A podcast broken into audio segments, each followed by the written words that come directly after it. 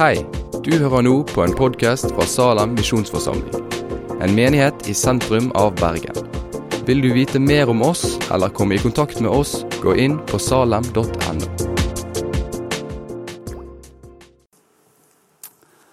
Yes. Som kjent så eh, ser dere at vi er eh, i apostelgjerningene. Eh, Og vi, vi prøver å ha en, en gjennomgang av apostelens gjerninger på Ikke sånn at vi går gjennom teksten eh, sånn helt eh, tekst for tekst, for det, det kan du gjøre i bibelleseplanen, som du kan kjøpe etterpå. bak der. Eh, Men i talene så prøver vi å trekke fram noen, eh, noen ting som er viktig fra apostelgjerningene. Eh, Og I dag så skal vi snakke om Guds dynamitt, eh, eller om du vil evangeliet. Og deler av troen, evangelisere. Og det jeg vil dere skal vite, det er at det Alt jeg sier i dag, det er basert på én ting som dere ikke må glemme. Det er at eh, sånn som vi sang, så er Jesus hjørnesteinen. Det kan ikke legges noen annen hjørnestein for troen vår enn Jesus og det han har gjort.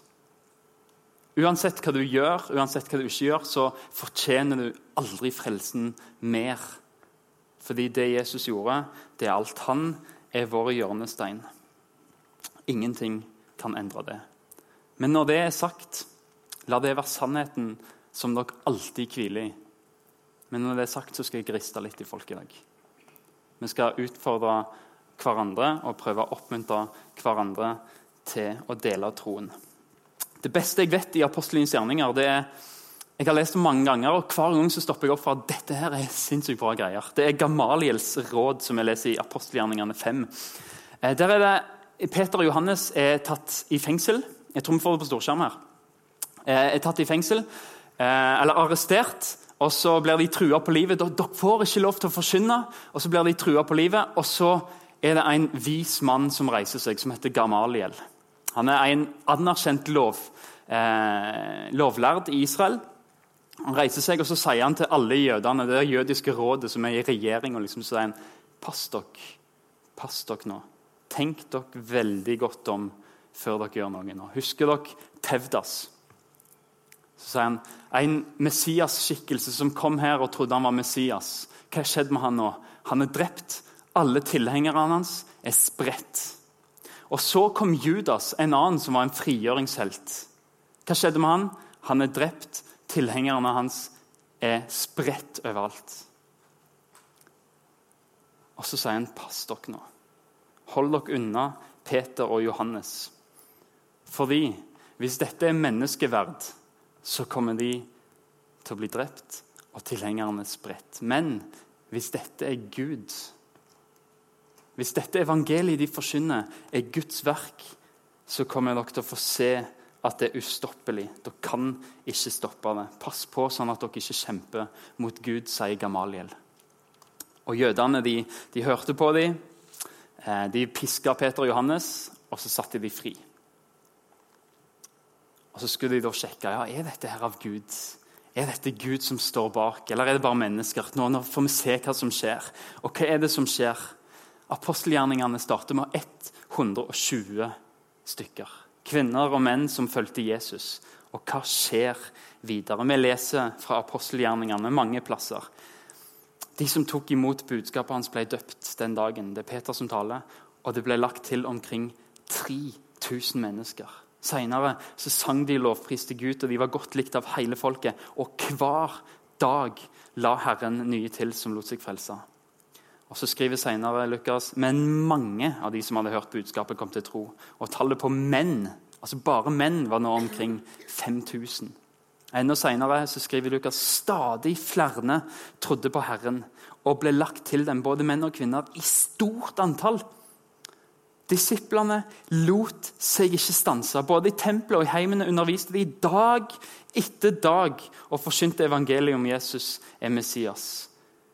Og Så beskriver menigheten på denne tida da tallet på disipler stadig steig. Og Så fortsetter vi videre. Guds ord nådde stadig flere, og tallet på disipler i Jerusalem økte sterkt. Og en flokk av prestene som trua de, de fulgte nå Jesus. Kirka hadde fred over hele Judea, Galilea og Samaria. Den ble bygd opp og levde i ærefrykt for Herren, og den vokste, styrka av Den hellige ånd. Men Guds ord hadde framgang og spredde seg vidt omkring. Sånn ble menigheten styrka i troa og vokste i tall hver dag.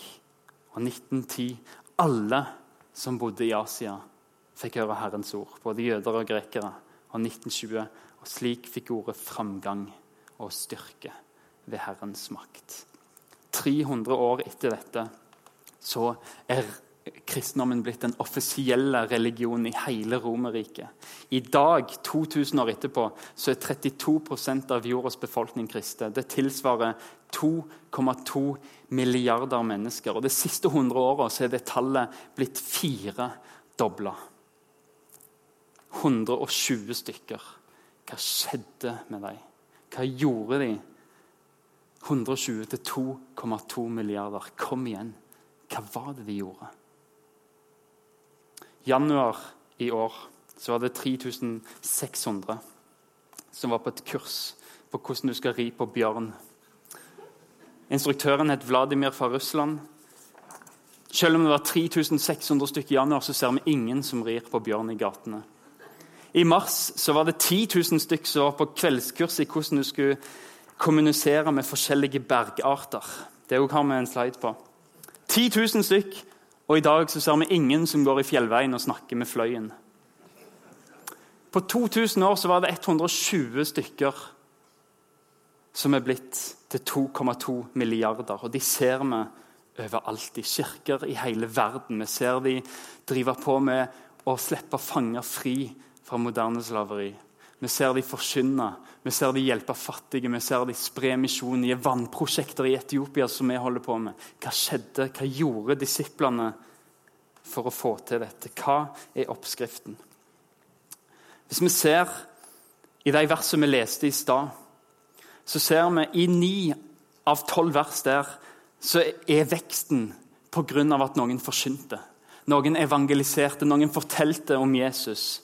I de tre av de tolv siste versene så står det ikke direkte, men det er underliggende at noen fortalte om Jesus. Disiplene, hva var det de gjorde for å spre kristendommen sånn?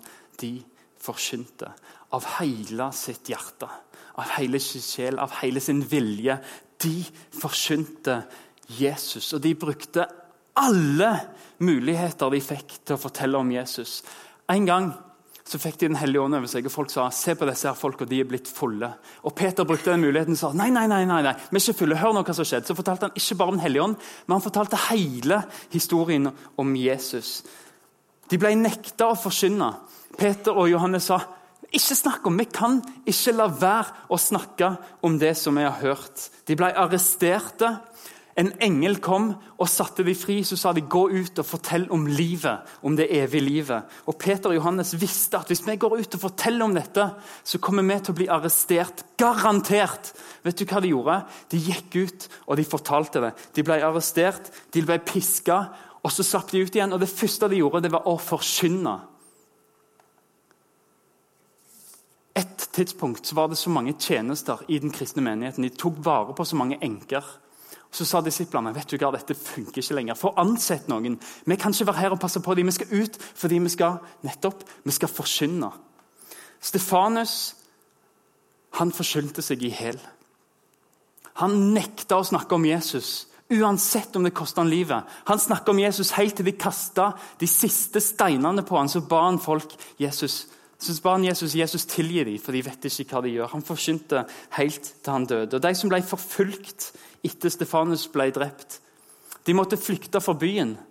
Og vet du hva de tenkte? De tenkte for en mulighet! Vi reiser til neste by. Og hva gjør vi der? Vi forteller om Jesus. Paulus ble piska. Han ble steina. De trodde han var død. Disiplene hans måtte slepe han ut av byen og redde han. Han ble arrestert. Han førte til og med til opptøyer når han forkynte. Og Det ble så store opptøyer. og Vet du hva han gjorde da? Han sa vent litt, la meg få forklare hvorfor jeg forkynner. Så fortalte han dem om Jesus en gang til. Han ble ledd ut, men han forkynte. Og Han ble arrestert og han ble kommet i rettssak foran konger, foran dommere. Og det han gjorde, det var han forkynte. Han sa nå skal du høre på hvorfor jeg er her. Jesus. Og så forkynte han til kongen, han forkynte til romerne. Og han hadde til og med sjansen til å bli satt fri. Men han anka saken sin til keiseren fordi han håpte at nå kan jeg få forsyne evangeliet til keiseren. Vet du hva? Disiplene de hadde ikke en eneste god nok unnskyldning til å la være å forkynne. Ikke én unnskyldning fant de for å la være å forkynne evangeliet. Ikke fengsel, ikke steining, ikke forfølgelse. Ingenting var god nok unnskyldning for å la være. Og Så sitter jeg og lurer på hvorfor har vi så utrolig gode unnskyldninger til å ikke forsyne? Er det fordi at uh, Game of Thrones kommer ut med en ny sesong? Er det fordi at vi er livredde for å bli upopulære? Er det fordi vi ikke har noen kristne venner? Noen ikke-kristne venner? Har vi noen unnskyldninger som er bedre enn disiplene sine? Disiplene kunne ikke la være. Vet du hvorfor de ikke kunne la være? fordi de elska Jesus. De var så takknemlige for det Jesus hadde gitt dem. Og de kunne ikke la være å snakke om det de hadde sett. Det var det viktigste i livet deres fordi det var det siste Jesus hadde bedt dem om å gjøre. Gå og gjør alle folkeslag til mine disipler. Forsyn ordet. Spurgeon, en forkynner på 1800-tallet, han sier det treffende. Og det svir litt, men jeg tror det er en bibelsk sannhet bak det. Han sier hver eneste kristen er enten en misjonær eller en hykler.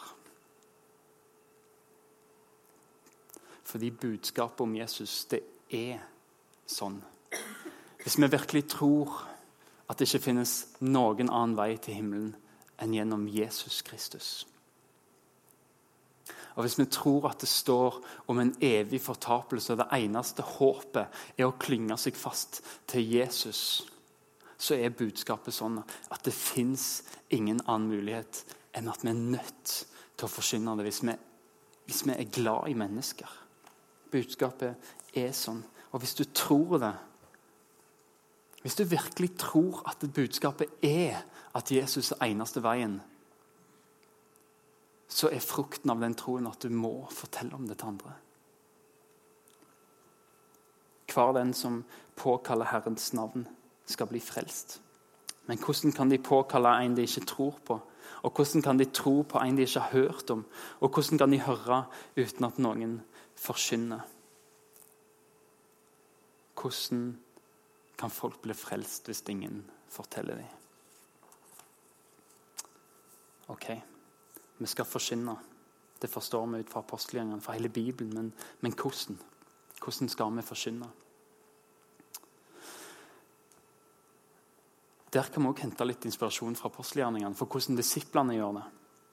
Fordi De forsynte forskjellig. Det, det, er nemlig ikke sånn at De forsynte på samme måten til alle folk. De forsynte til jøder som hadde litt peiling, som, som trodde på Gamle Testamentet, som trodde på litt, men ikke alt så forkynte de på én måte. Til hedningene som ikke hadde peiling på kristen tro, ikke hadde peiling på Bibelen, som ikke kjente til noe av dette, forkynte de på en helt, helt annen måte. For til jødene, de som, og Dette passer veldig bra inn i norsk kultur. Noen tror litt. At det fins en gud, at, at, Jesus var en vis mann. alt sånne ting. Eh, tror kanskje at eh, kjærligheten er størst av alt, eh, mens kjærligheten er størst blant tro og håp og kjærlighet. og sånne ting. Og til deg så kan vi gjøre sånn som apostlene gjorde, eller disiplene gjorde til jødene. De pøste på med bibelvers. De viste at hvis du tror dette, så er du faktisk nødt til å tro dette. De pøste på med bibelvers fra Gammeltestamentet for å vise at Jesus var Messias. Og her, folkens, her må vi bare lese oss opp på vår egen tro. Her må vi sette oss ned og studere vår egen tro, sånn at vi kan stå til regnskap for det håp som bor i oss. Og Bibelen sier det skal dere alltid gjøre. Vær rede til å stå til regnskap for det håpet som bor i dere. Les dere opp, sånn at dere kan fortelle til de som forstår litt av kristentroen, tror litt på den, sier 'dette er ikke meg', 'dette tror jeg ikke på', 'dette tror jeg på', plukke litt av seg sjøl. Les Bibelen. Bruk utgangspunktet dere er enige om, og så jobber du deg ut derifra og forteller hvis du tror på dette, så må du faktisk tro på dette òg. Men til hedninger, til de som ikke har peiling Les Apostelens gjerningene 17. Det er utrolig spennende, for Der møter Paulus en gjeng med greske filosofer som aldri har hørt om Jesus før. som ikke har peiling på dette her. Og det dere skal merke er at Paulus bruker ikke ett eneste bibelvers i møte med de folka. Fordi han appellerer til logikk, han appellerer til andre ting. Og det er spennende. De hadde ikke peiling, de hadde ikke Bibelen. Og så bruker Paulus kulturen deres. Han ser et alter til en ukjent gud. Så sier han jeg vet hvem dette alteret er til. Og så bruker han et dikt som en gresk dikter har skrevet, som de kjenner, som appellerte til noe større enn bare mennesket. Og så brukte han det diktet og sa han, jeg vet hvem han appellerer til. Ta utgangspunktet i kulturen. og Samme av hva vi kan gjøre. Hvorfor feirer du jul? Hvorfor feirer du påske? Hvorfor tar du fri i pinsen? Vi kan bruke sånne ting for å koble på bibelske sannheter. Konfirmasjon og dåp og menneskeverd, hvor kommer det fra? Og Så bruker Paulus skapelsen når han snakker til folk som ikke har peiling. Og Så sier han faktisk at vet du hva mennesker, Gud har skapt oss sånn for at vi skal lete etter Gud.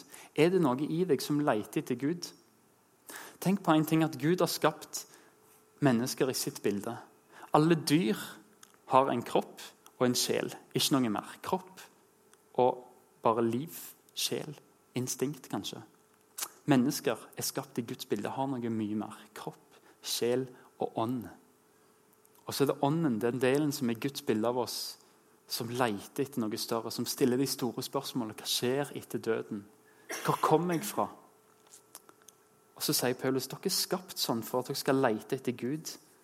Og vi er ikke tilfredsstilte før vi finner Gud. Og Paulus sier en annen plass. For det de kan vite om Gud, det ligger åpent foran dem. Gud har selv lagt det åpent fram. Hans usynlige vesen, både hans evige kraft og hans guddommelighet, har de fra verdens skapelse av kunnet se og erkjenne hans gjerninger. Derfor har de ingen unnskyldning. De kjente Gud, men likevel lovpriser de og takker de ham, takker de ham ikke som Gud. Med sine tanker endte de i tomhet, og deres uforstandige hjerter ble formørka. Paulus sier at alle ser Gud i skapelsen, men de bare forstår det ikke. Hjelp dem til å se noe. Men vi skal ikke gå så veldig mye inn på dette, for det tror jeg dere må øve dere på individuelt. Hvordan skal jeg forsyne? Hvordan skal jeg dele troen? Men jeg vil se på noen ting som eller Det må ta med at, Paulus sa alltid uansett når han snakket med ikke-kristne, at dere må vende om. Fordi den guden som har skapt verden, som dere ser i skaperverket, han skal en gang komme og dømme mennesker. Og Så snakket han også om oppstandelsen, at, at Jesus var stått opp fra de døde. Og det, folkens, det er vårt S når vi snakker med ikke-kristne mennesker. Jeg har lest masse om oppstandelsen, jeg har snakka med mange folk om oppstandelsen. Og jeg har aldri lest eller hørt et eneste argument som kan bortbevise den tomme grava. Hvis dere noen gang skal ha et kronargument for hvorfor dere tror Jesus lever, så prøv å få folk til å argumentere mot den tomme grava. Les dere opp på det. Det fins ingen gode motargument. Men vi skal se at disiplene de, de, bruker anledninger. Og Her tror jeg vi kan lære mye fra apostelgjerningene. Eh, de forkynner forskjellig, men de bruker forskjellige innfallsvinkler når de treffer folk. De treffer fattige, de gir dem omsorg. Dette kan dere lese om i hele apostelgjerningene. De treffer syke, de ber for dem. De ser Gud gjøre mirakler, og de bruker dem til å peke på Gud og si dette er han som har skapt. Han kom igjen for å dømme. Dere må vende om. Og så bruker de fellesskap inkluderer folk for å se for et kristent fellesskap, hva Jesus gjør med et kristent fellesskap. Så får de kjeft for å forkynne, og de masse opptøyer når de forkynner. Så sier de stopp, stopp, stopp, vi skal fortelle hvorfor vi gjør dette. Og så forteller de om Jesus. De ser en som leser Bibelen, og da hopper de opp i vogna hans og så forklarer de hva de leser. De blir kasta ut av én by, de reiser videre og forkynner i neste. Den hellige ånd forteller de. De sa til Philip gå bort dit, for der er det en som du skal få forsyne for. Og så går de. Så er det noen i apostelgjengen som får en drøm eller et syn.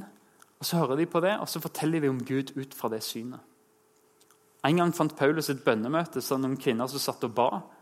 Jeg vet ikke om de var jøder, eller hva de var, men Paulus gikk i hvert fall ned, fortalte om Jesus, og så ble de kristne. Han traff nysgjerrige filosofer, og han brukte de til å fortelle om den tro han tror på. Og Så brukte han ulykker og forlis når noe skjedde i menneskers liv, stilte de store spørsmålene, fortalte om Jesus. Og I dag så er det masse av dette som vi kan gjøre. Vi må bare gjøre det med visdom. Treffer du noen som er syke, så vær frimodig. Be for dem. Treffer du en ikke-kristen venn som du får god connection med, hvorfor ikke invitere han inn i hverandregruppa di? Inn i smågruppa di? Inn i vennegjengen din som er kristne? Spill fotball sammen. Bruk tid. Vis han det kristne fellesskapet, hvordan det er med kristne imellom. La det få være et vitne. Treffer du noen som er nysgjerrige i alle fall på hvorfor, hvor du er på lørdagskveldene, hvor blir du av? Det er en utrolig mulighet til å si dette tror jeg på. Derfor investerer jeg hver lørdagskveld i min menighet. Og Treffer du noen som har gjennomgått en ulykke eller en livsforvandlende ting, så snakk om de store tingene og bruk dette, sånn som apostlene gjorde. Det var ikke sånn at de bare fikk alt i hendene. De så oi, her er det noe som jeg kan nå inn med evangeliet på. Lukt etter det hele tida. Se etter hvor er det jeg kan bryte inn, sånn som apostlene og disiplene gjorde. Det viktigste er likevel innholdet. Det er noen ting, Hvis vi trekker ut alle talene, all forkynnelse fra apostelgjerningene, så har jeg prøvd å lese alle talene alle gangene de sier noe om Jesus. Så er det noen ting som går igjen hele tida når de skal fortelle om Jesus. De forteller alltid at Jesus er Messias eller frelser og herre. De forteller at han døde for synder. De forteller om at vi må vende om fra våre synder, og at det gir tilgivelse, og at syndene strykes ut hvis vi går til Jesus med dem. De forteller om at folk må døypes sånn at det kan bli ett med Jesu død. At hans død kan gjelde for oss, og at vi får oppstå sammen med han òg. Og De forteller om oppstandelsen, som viser at Gud godtok Jesus sitt offer, for han reiste Jesus opp fra de døde. Og så gir det håp om liv. Og så forteller de alltid om at Jesus skal komme igjen for å dømme. Og Derfor må folk vende om. De forteller alltid om livets to utganger på den måten. Dette er ting som er viktige. Men så ser jeg også at ofte så er det personlige vitnesbyrdet utrolig viktig for dem. De sier dette har vi sett, dette har vi hørt. Jeg kan ikke la være å snakke om det. Og der vil jeg anbefale dere sette dere ned. Bruk tid på å tenke hva er egentlig mitt vitnesbyrd. Når jeg treffer folk som ikke er kristne Vi har ikke peiling hva vi skal si, men det er fordi vi aldri har tenkt igjennom det. Har du noen gang tenkt igjennom hva sier jeg til en som ikke er kristen? Og vi vil de vel, og derfor tror jeg vi trenger å tenke litt gjennom det. Sett dere ned, se på denne lista her, og tenk hva kan jeg si helt enkelt om hver av disse punktene, som er forståelig. Ikke det at det, når jeg var 13 år, så fikk jeg syndenød. Og jeg var nødt til å gå til Jesus for å få den forsonende tilgivelsen, så jeg kunne treffe han i herligheten. Det hjelper ikke noen ting. Sett deg ned og tenk gjennom hva Jesus har gjort for meg. Formuler 200 ord. Enkle ord som er klart. Hva er forskjellen med og uten Jesus? Hva har Jesus gjort for meg? Det er en øvingssak, men bruk tid på det. Fordi du skal stå rede i tider og utider til å stå for regnskap for det håpet som bor i deg, skriver Peter. Alltid vær beredt. Og Så er det noen bøker her som har vært til hjelp for meg, som kommer opp på skjermen. Eh, Mark Cahill, Oddvar Søvik og Rebecca Pippert. De kan jeg anbefale til å lese til å bruke de som et verktøy til hvordan kan jeg dele troen med mine ikke-kristne venner. Gamaliel sitt råd det vil jeg at dere skal sitte igjen med. Hvis dette er av mennesker, så vil det falle tilbake. Men hvis dette er av Gud, så er det helt ustoppelig. Og Det skal du få lov til å hvile i når du deler evangeliet. Hiv deg utpå og hvil i at hvis det er av Gud, så er dette her helt ustoppelig. Og jeg tror den største hinderet du har for å dele troen din, det er din egen frykt. Men det var det Ingrid sa helt i begynnelsen. Vi skal være uten grenser for å dele troen, fordi Jesus kjærlighet er grenseløs. Hvorfor setter vi grenser for Jesus kjærlighet når han i utgangspunktet har en grenseløs kjærlighet? Ikke sett grenser for det han ikke har sett grenser for. Og hvil i at det er ikke menneskeverk, det er Guds verk. De 120 ble til 2,2 milliarder. Jeg har kalt talen for Guds dynamitt. Og Det er fordi ordet i Bibelen Ordet kraft, egentlig det greske ordet dynamis, er det samme som vi kjenner igjen fra dynamitt. Og Bibelen forteller om Guds ord som Guds kraft, eller Guds dynamitt, som det står også i grunnteksten. Forkynn. Det er ikke ditt verk, men det er Guds verk. Bare hør hva som, hva som skjer når vi forkynner, når vi forteller. Gud sier 'Jeg vil våke over mitt ord'. Jeg vil sette det i verk. Og Paulus sier 'Jeg skammer meg ikke over evangeliet', fordi det er Guds dynamitt til frelse for hver den som tror. Derfor skammer jeg meg ikke, for det er ikke mitt. Jeg forteller det, og så får Gud gjøre med det som han vil. Jeg bare ruller ut sprengstoffet. Det er Guds sprengskraft som må gjøre at folk tror. Helt på slutten jeg vet ikke om dere har lest hele apostelgjerningene, men helt på slutten så, så er det én ting jeg sitter igjen med. Det er at Denne boka her slutter utrolig fort. Har dere tenkt over det? Hele boka bygger liksom opp til Paulus' rettssak. og Han skal til keiseren, og han skal anke for keiseren. Han skal til Roma og forkynne evangeliet. Og Så kommer han til Roma, og så bare ferdig. Vi hører ingenting mer. Det stopper der. Og så har jeg tenkt, Hva i all verden er det som skjer, Lukas? Total skrivesperre. Men det som er greia, er at eh, jeg har lest, lest masse om apostelgjerningene før den taleserien. Og alle er enige om at dette verset som står her Dere skal få kraft når Den hellige ånd kommer over dere. Og dere skal være mine vitner i Jerusalem, av hele Judea, i Samaria og helt til jordens ende. Det står i første kapittel i apostelgjerningene. Alle teologer er enige om at dette er disposisjonen for apostelgjerningene. Dette er innholdsfortegnelsen. Og så ser vi det. Ja, men i Roma Det står i verdens ende. Roma er jo ikke verdens ende. Men så er det Lukas sin måte å si på at dette oppdraget er ikke ferdig. Boka punktum ferdig, men vi er ikke kommet til verdens ende. Og så er det Lukas som skriver sin måte å invitere deg inn på og si Gud er ikke ferdig med Paulus. Når Paulus dør, så er ikke Gud ferdig med å forkynne ordet. Det skal videre. Vi har fått et oppdrag. Gud ga Paulus og Barnabas et kall, som vi får opp på neste her. For dette er Herrens befaling til oss. Jeg har satt deg til et lys for folkeslag for at du skal bringe frelse helt til jordens ende. Dette blir ikke fullført i apostelgjerningene. Og Lukas gjør det med vilje, fordi han vil at du skal inn i teksten og fortsette fra Roma og til verdens ende. Han inviterer deg inn til å bli med på Guds vilje, at alle mennesker skal bli frelst og komme til sannhetserkjennelse. Og så er det vår oppgave å stå reine når Gud kommer igjen. Det sier Paulus sjøl, hvis vi får opp neste.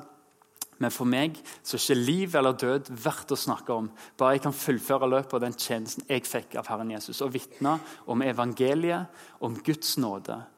Og nå vet jeg at alle dere som jeg har levd blant og forsynt riket for, aldri mer skal se ansiktet mitt. Han sier jeg skal dø.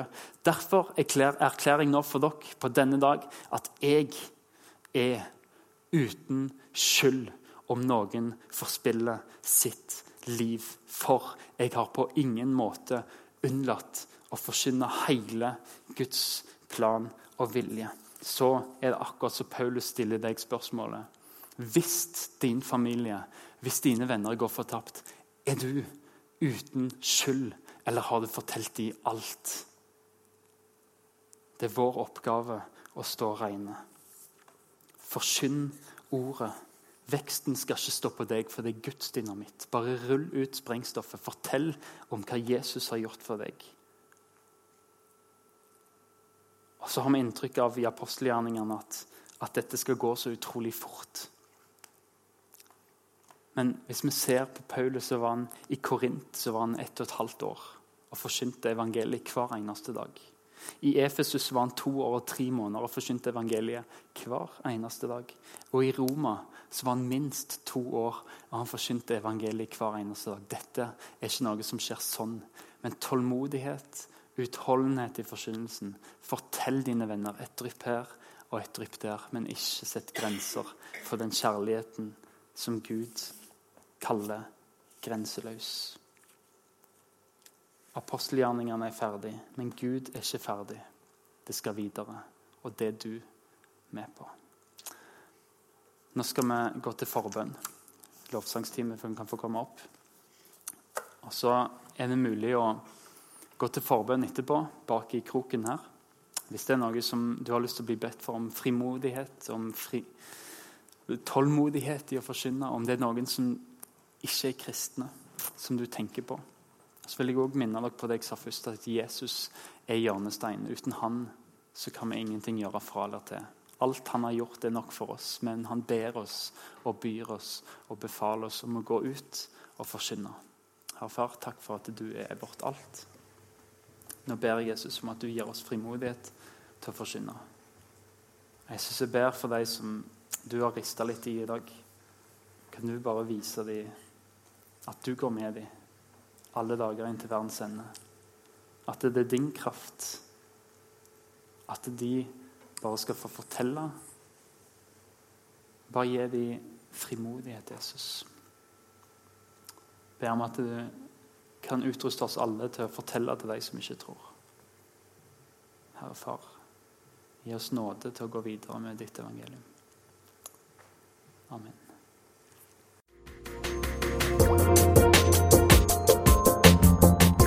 Takk for at du har hørt på podkasten fra Salem, Bergen. I Salem vil vi vokse i et stadig dypere fellesskap med Gud og med hverandre. Vi vil være Jesu hender og føtter, og vi vil være med å forkynne frelse for Bergen og resten av verden. Besøk oss gjerne på salem.no om du vil vite mer.